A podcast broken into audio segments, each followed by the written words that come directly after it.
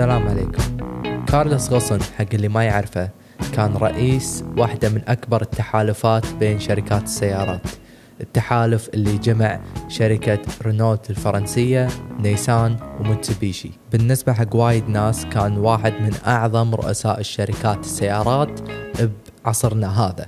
رد إحياء الشركات هذه كلها بأوقات كانوا يعانون فيها. ولكن بتاريخ 19 11 2018 كان واصل كارلز غصن إلى مطار طوكيو ويلقى أن الشرطة طوكيو تعتقله لما ينزل من الطيارة. هناك اتهامات من السلطات اليابانية مرفوعة ضدك. عدم الكشف الكامل عما تتلقاه من راتب على مدى خمس سنوات بين 2010 و2015 خيانة الثقة تهمة عدم الإفصاح عن مفردات راتبك لثلاثة أعوام.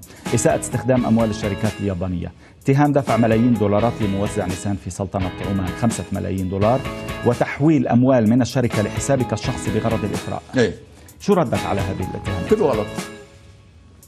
كله غلط. بهذه البساطة. كله غلط بكل بساطة. قبل لا نرد على إجابته البسيطة هذه وشون يقول بكل بساطة يقول كله غلط هذه المقابلة كانت تاريخ 17 آه، ولا 12 7 يعني قبل فترة قصيرة.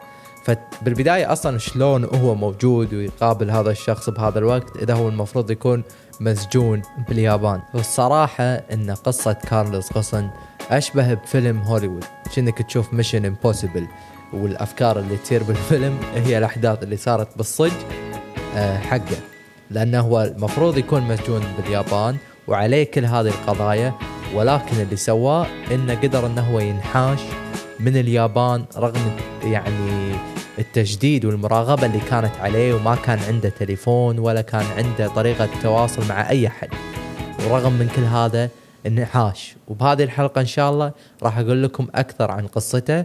شلون هو وصل حق هذه المرحلة شنو القضايا اللي عليه وآخر شيء شلون انحاش شلون انحاش من اليابان وهم مشددين عليه وحاطين عند بيته كاميرات وليش شغال 24 ساعة وما يعطونه مجال يطلع ولا حتى يدق على زوجته ورغم كل هذا انحاش وهو موجود الحين بلبنان وقاعد يصرح ويسوي مقابلات. فهذا كله إن شاء الله بنعرفه وأكثر بهذه الحلقة.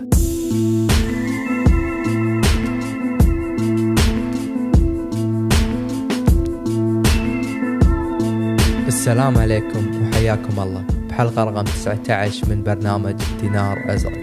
معاكم محمد أمان واليوم إن شاء الله بنتكلم عن قصة كارلوس غصن وراح أقول لكم حتى طبعا عن الاتهامات الصجية اللي عليه. مو نفس ما يقول هو كله غلط. كارلوس غصن حق اللي أول مرة يسمع عنه انولد ب 1954 بالبرازيل وكبر وعاش بلبنان. ويوم يا وقت الجامعة راح ودرس بفرنسا.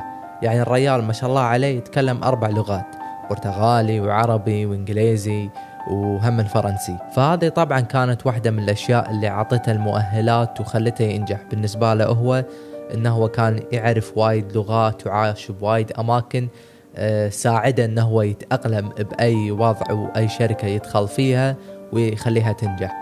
وأول شركة اشتغل فيها كانت شركة ميشلين مالت التواير وكان مسؤول حق آه، فرع هذه الشركة مال أمريكا الجنوبية. كان هو يديره كله وكان مطلوب منه إنه ينجح هذا الفرع بعد ما كان يواجه صعوبات وخسارات وايد. وفعلا بخلال آه، كم سنة بس قدر إنه هو يحقق وايد نتائج إيجابية حق الفرع هذا من شركة ميشلين فكان شغال كارلوس وصعد شوي شوي بالشركة لين بسنة 96 خذوه شركة رينولت مالت السيارات الفرنسية اللي كانت بداية التحالف اللي صار بعدين بين الثلاث شركات اللي ذكرتهم بالبداية. فلما راح حق شركة رينولت بعام 96 كانوا هما يواجهون مشاكل ويحتاجون أحد ينقذهم. فهو كان الشخص المناسب ونقذ الشركة وبخلال سنتين الشركة صارت مربحة مرة ثانية. فبعد ما عاد إحياء هذه الشركة دشينا بمرحلة مالت آه، كارلوس لما راح يشتغل بشركة نيسان. وأنا راح أخليه هو يشرح لكم شنو سوى بالشركة وهذا كلامه فعلا صحيح. أنا مسكت شركة سنة 1999 كانت ميته باليابان. بلد ما بعرفه ما بحكي اللغة. 1999 جربوا مرتين ينقذوا الشركة ما زبطت معهم. اليابانيه ذكرنا ذلك. بخصوص طيب، نيسان. سنة 1999 مزبوط هيدي الشركة 1999 كانت تبيع مليونين ونص عربية بالسنة. عم تخسر مصاري على كلهم وعندها 20 مليار دولار ديت ولا بنك ياباني بدينه هيدا الوضع 1999 أنا سنة 2017 بس تركت.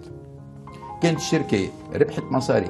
كل السنين تركت بالكاش 20 مليار دولار كانوا minus 20 صاروا plus 20 والشركة كانت تبيع مليونين ونص عربية صارت تبيع 5 مليون و800 ألف عربية. ففعلا الإنجازات اللي حققها كارلوس كانت كبيرة بوقتها.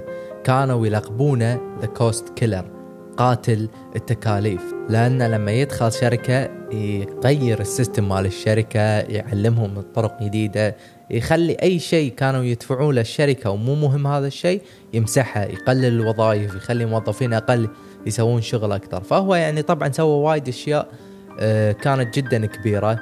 وبعدها هو حبه حبه صعد من كان فقط رئيس آه، شركة نيسان لصار رئيس نيسان ورينولد شركتين. يعني هو رئيس تنفيذي مال شركتين وتشيرمان مال شركة متسوبيشي فيعني ريال واحد رجل واحد رئيس ثلاث شركات. فكان له عنده قوة وكان يعني حيل إنسان مهم بالنسبة حق وايد ناس وكان آه، بجرايد وكل مكان يعني يتكلمون عنه بوقتها يعني بداية الألفين. خصوصا يعني لما قام هو يعني وصار قوي فيها المدة هذه. وباليابان حتى كانوا يلقبونه ساموراي. ويحطونه بمانجا بمجلاتهم الكرتون اللي هم يسوونه الانمي المانجا. كانوا يحطونه هو ويحطون قصته شلون هذا الفورنر الآتي من الخارج جاء ونقذنا وسوى عندنا وظائف وكل شيء. لأنه هو بالنسبة لهم كان حيل إنسان مهم والامبراطور ولا الملك مالهم نفسه عطاه وسام وكذي. فيعني كانوا يقدرونه ويقول كل ما يدش مطعم كانوا الناس يحترمونه ويصفقوا له وكذي. فالحين انت تقول لي شلون شو السالفة؟ شلون تحولت الأمور؟ شلون انقلبت المسألة؟ من أهم شخص وموجود بغلاف وايد مجلات وبكل مؤتمر يروح يتكلم ورئيس ثلاث شركات سيارات مختلفين ومحقق نجاحات مو اللي مو محقق شيء لا نجاحات وأرباح وكل شيء. شلون صار هذا الشيء؟ وشنو الاتهامات اللي أصلا عليه؟ فبقول لكم أنا عن ثلاثة من أهم الاتهامات اللي عليه. رقم واحد إنه هو ما بلغ عن 80 مليون دولار من الفلوس آه، من مدخوله يعني. هو يقول إنه عنده أقل من مدخوله الحقيقي ب 80 مليون دولار على مدة ثمان سنين. الشيء الثاني إنه هو خذ أو دفع شركة نيسان 16 مليون دولار من خساراته الشخصية. ال 16 مليون هذه كانت عن طريق شركات هو مسويها شركات على أساس إن الشركات هذه تبي فلوس من نيسان فنيسان تدفع لهم فهو ياخذ فلوس لما توصل الفلوس حق الشركات هذيلا وهذا المبلغ يقدر ب 16 مليون دولار. وثالث شيء يقول لك انه 15 مليون دولار من حسابات الشركة راحت حق بيوته والأراضي اللي هو يملكها وترميمات وما أدري شنو وحفلات و... وعرسة اللي كان يعني خرافي. 15 مليون دولار من فلوس الشركة راحت حق هذه الأمور. فأنا الصراحة ما أقدر أكد لكم أن الأشياء هذه صدق كلها 100% ولا شنو التفاصيل بالضبط لأنه هو من كلامه أنه لأنه هو كان يبي يدمج شركة نيسان مع شركة رينولت أنه يكونون شركة واحدة. فاللي معاه يشتغلون بنيسان آه، خافوا من النقطة هذه إنها تصير وانقلبوا عليه وطلعوا اتهامات عليه وانه انه هو مو مسوي شيء غلط بس انه هم يبون آه، يحطونه بهذا الموقف يحطونه بهذه القضية غصبا عليه علشان ما يدمج الشركتين مع بعض. ولكن في مصادر وايد يعني قاعد تقول إنه هو سوى هذه الأشياء وإنه في إثباتات مثل عرسه اللي كان يكلف وايد فلوس شلون إنه هو اندفع له من طريق الشركة. وفي أشياء يعني صعب إنه هو ينكرها نفس ما يقول إنه ولا شيء صح من هذه الاتهامات. ولكن يظل اللي صار بالأمر الواقع انه تفنش من منصبه كرئيس تنفيذي حق هذه الشركات وانسجن باليابان. وهو باليابان قعد فترة وما قدر يحاكي أحد نفس ما قلت لكم. ولكن يعني في معلومة إن المدعي العام الياباني يفوز ب 99% من القضايا. فكارلوس بالنسبة له كان فاهم انه هو إذا قعد باليابان معناته عمره ما راح يطلع ولا راح يفوز على القضاء الياباني. فهو عشان كذي قرر إنه هو ينحاش. وبعد ما شاف إنه ما كان له دعم من الحكومات اللي هو ينتمي لها. يعني فرنسا ما يو قالوا آه، طلعوه شيء كذي. ما حد اهتم فيه إلا على كلامه آه، اللبنانيين اهله للبنان أسئلة اسئله وحاولوا يضغطون على الحكومة اليابانية إن تفهمهم شنو عليه شنو القضية شنو الأمور ليش حابسينه وليش هذه الأمور قاعد تصير. فيقول لك كارلوس إنه لما استوعب انه ما في أمل إنه هو يطلع من هذه الأزمة ويفوز على القضاء أو يعني ياخذ محاكمة عادلة قرر إنه هو ينحاش. ولما قرر إنه هو ينحاش فكر مدة طويلة ويقول إن هذه الخطة 100% منه وما في أحد شاركه بالخطة. ولكن إحنا للحين ما ندري لأن في تحقيقات وما في شيء طلع. ولكن اللي نعرفه انه كان في واحد أمريكي اسمه مايكل تايلر اللي كان عنده خلفية بال بالجيش أو شيء كذي. يعني كان واحد أمريكي يعرف بال security وعنده شركة security فكان هو الرجل اللي نفذ هذه المهمة. وراح تستغربون من الأحداث اللي صارت. نفس ما قلت لكم كأنها فيلم Mission Impossible إن كارلوس كان مراقب وكان في كاميرات عليه وكان في شرطة قاعدين برا بيته. وكان ما ما ما يسمحوا له إنه هو يستخدم الإنترنت ولا يستخدم التليفون ولا يراسل اي أحد يعني مثل عياله ولا زوجته. فقط المحامي ماله يعني أشخاص بسيطة يعني. فكارلوس مع التعاون مع هذا الشخص كانت خطتهم إنه يجيب فرقة موسيقية. إنه بيجيب فرقة موسيقية البيت بقعد بروحي ما راح أجيب أحد ولا شيء وإنه بستانس ما أدري شنو. المهم هذا اللي صار.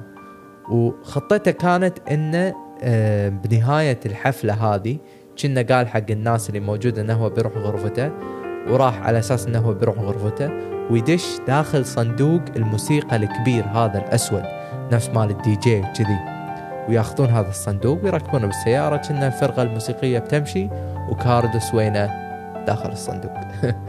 فراح كارلوس من طوكيو بالقطار إلى آه، مطار أوساكا.